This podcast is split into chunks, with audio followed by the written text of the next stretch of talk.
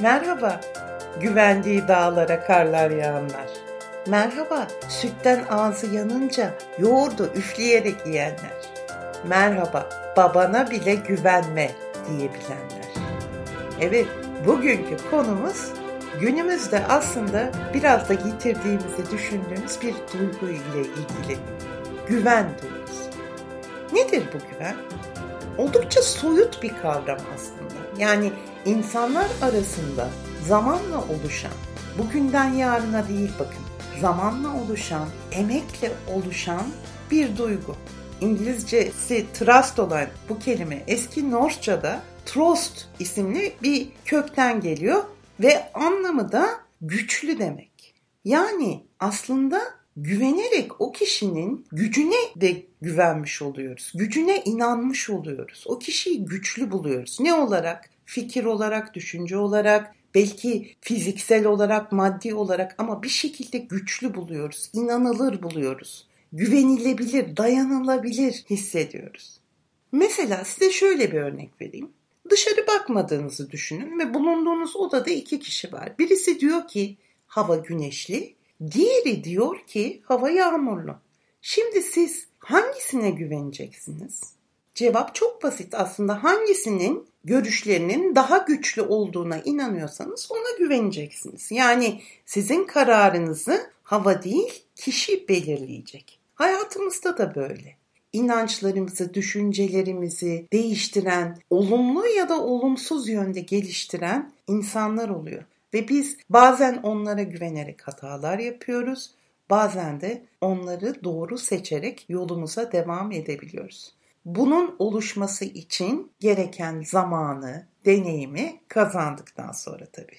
Artık bu zamanda her şey çok hızlı hareket ettiği için insanlar arası ilişkilerde, iş yerlerinde her şey hıza dayalı, hız temelli olduğu için güven problemi de daha sık yaşanmakta. Çünkü o güvenin oluşturulabileceği zamanı, deneyimi, yaşama şansını çok fazla vermiyor insana maalesef günümüz.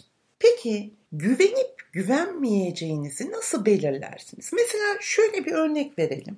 Kendinizi düşünün, bir insanı düşünün ve o insanla ilgili güveninize nasıl karar verdiğinizi düşünün. Yani o insanın güvenilir olduğuna ya da olmadığına nasıl karar verdiniz? Önce bu soruyu cevaplayın. Burada tabii onun yaptığı ya da yapmadığı şeyleri düşünmeniz gerekiyor. Sonrasında güvenmeden önce nasıl bir kanıt elde ettiğinizi düşünün. Mutlaka size bir şekilde güvenilir olduğunu ya da olmadığını kanıtladı o kişi. Bunu bulmanız lazım. Peki o kişiye güvenmeniz ne kadar zaman aldı? Yani herhalde bir gün, bir saat değil, bayağı uzun bir zaman alması gerekiyor.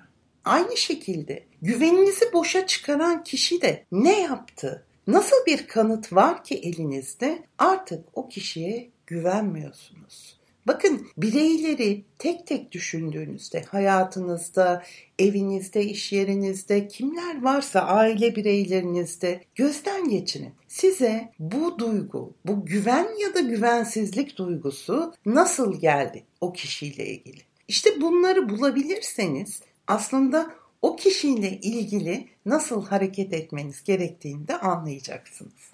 Mesela dilimizde güveni kazanmak güvenini kazanmak diye bir deyim var. Yani güven kazanılabilir bir şey midir aslında? Total midir? Yani ya hep ya hiç midir? Bir insan ya tam güvenilir ya tam güvenilmez midir? Mesela bir kişiye para konusuyla ilgili güvenebiliyorsunuz ama belki duygusal ilişkilerde güvenemeyebilirsiniz. Bunları tartmanız ve düşünmeniz gerekiyor. Hayatınızda olan kişilere hangi konularda tam olarak güveniyorsunuz? Hangi konularda daha soru işaretleri var?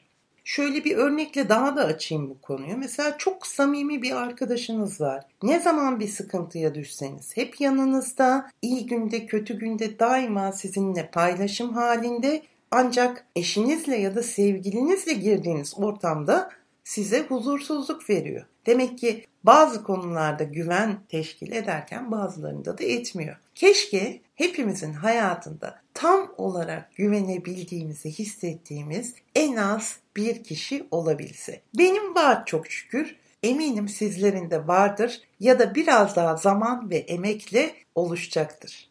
Bu arada bir insana güvenmek için çok yüksek standartlarınız varsa o zaman çok üzgünüm yalnızlığa mahkumsunuz. Yani eğer bir kişiye güvenmek için ondan imkansız kahramanlık öyküleri veya mucize başarılar bekliyorsanız bu sizi hayatta tek başına bırakacaktır.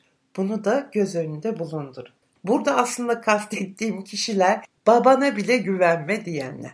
Bir yerden sonra da artık insanlara güvenmeniz gerekiyor. Zaten güveneceğiniz insanları gözlemlemeniz gerekiyor. Yani davranışlarına bakacaksınız. Samimi mi, dürüst mü, başkalarının yanında nasıl hareket ediyor, verdiği sözlerde duruyor mu? Bunları çok rahat ölçebilirsiniz aslında ve dediğim gibi zamanla bütün bunlar oluşacak ve o kişiyle olan ilişkinizde de güven hakim olan bir duygu olacaktır.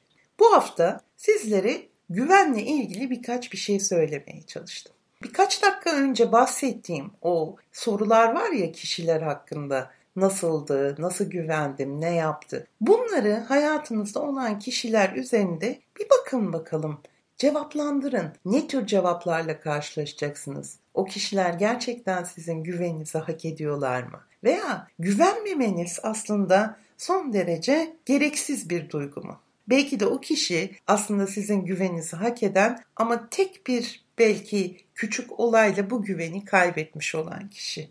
Hepimiz birilerine güvenmek durumundayız. Hayat tek başına yaşanmıyor. Tek başına alınan aksiyonlarla yürüyemiyoruz. Ya ekibimize güvenmeliyiz, ya işimize güvenmeliyiz, aile bireylerimize, okul arkadaşlarımıza. Yani hayatımızda iletişim koşulları oluştukça, etrafımızda insanlarla birlikte yaşadıkça güven duygusunu tesis etmek üzere de çaba harcamalıyız. Bunu hem kendimiz için yapmalıyız. Yani başkalarının bize güvenmesi için adımlar atmalıyız, emek sarf etmeliyiz. Hem de çevremizdeki insanların bu konudaki davranışlarını gözlemleyip doğru kararlar verebilmeliyiz. Eminim ki bu küçük egzersizle birlikte hayatınızda farklı küçük değişimler yaratabileceksiniz. Güven duygusunun hiç eksik olmadığı mutlu, güzel bir hafta diliyorum.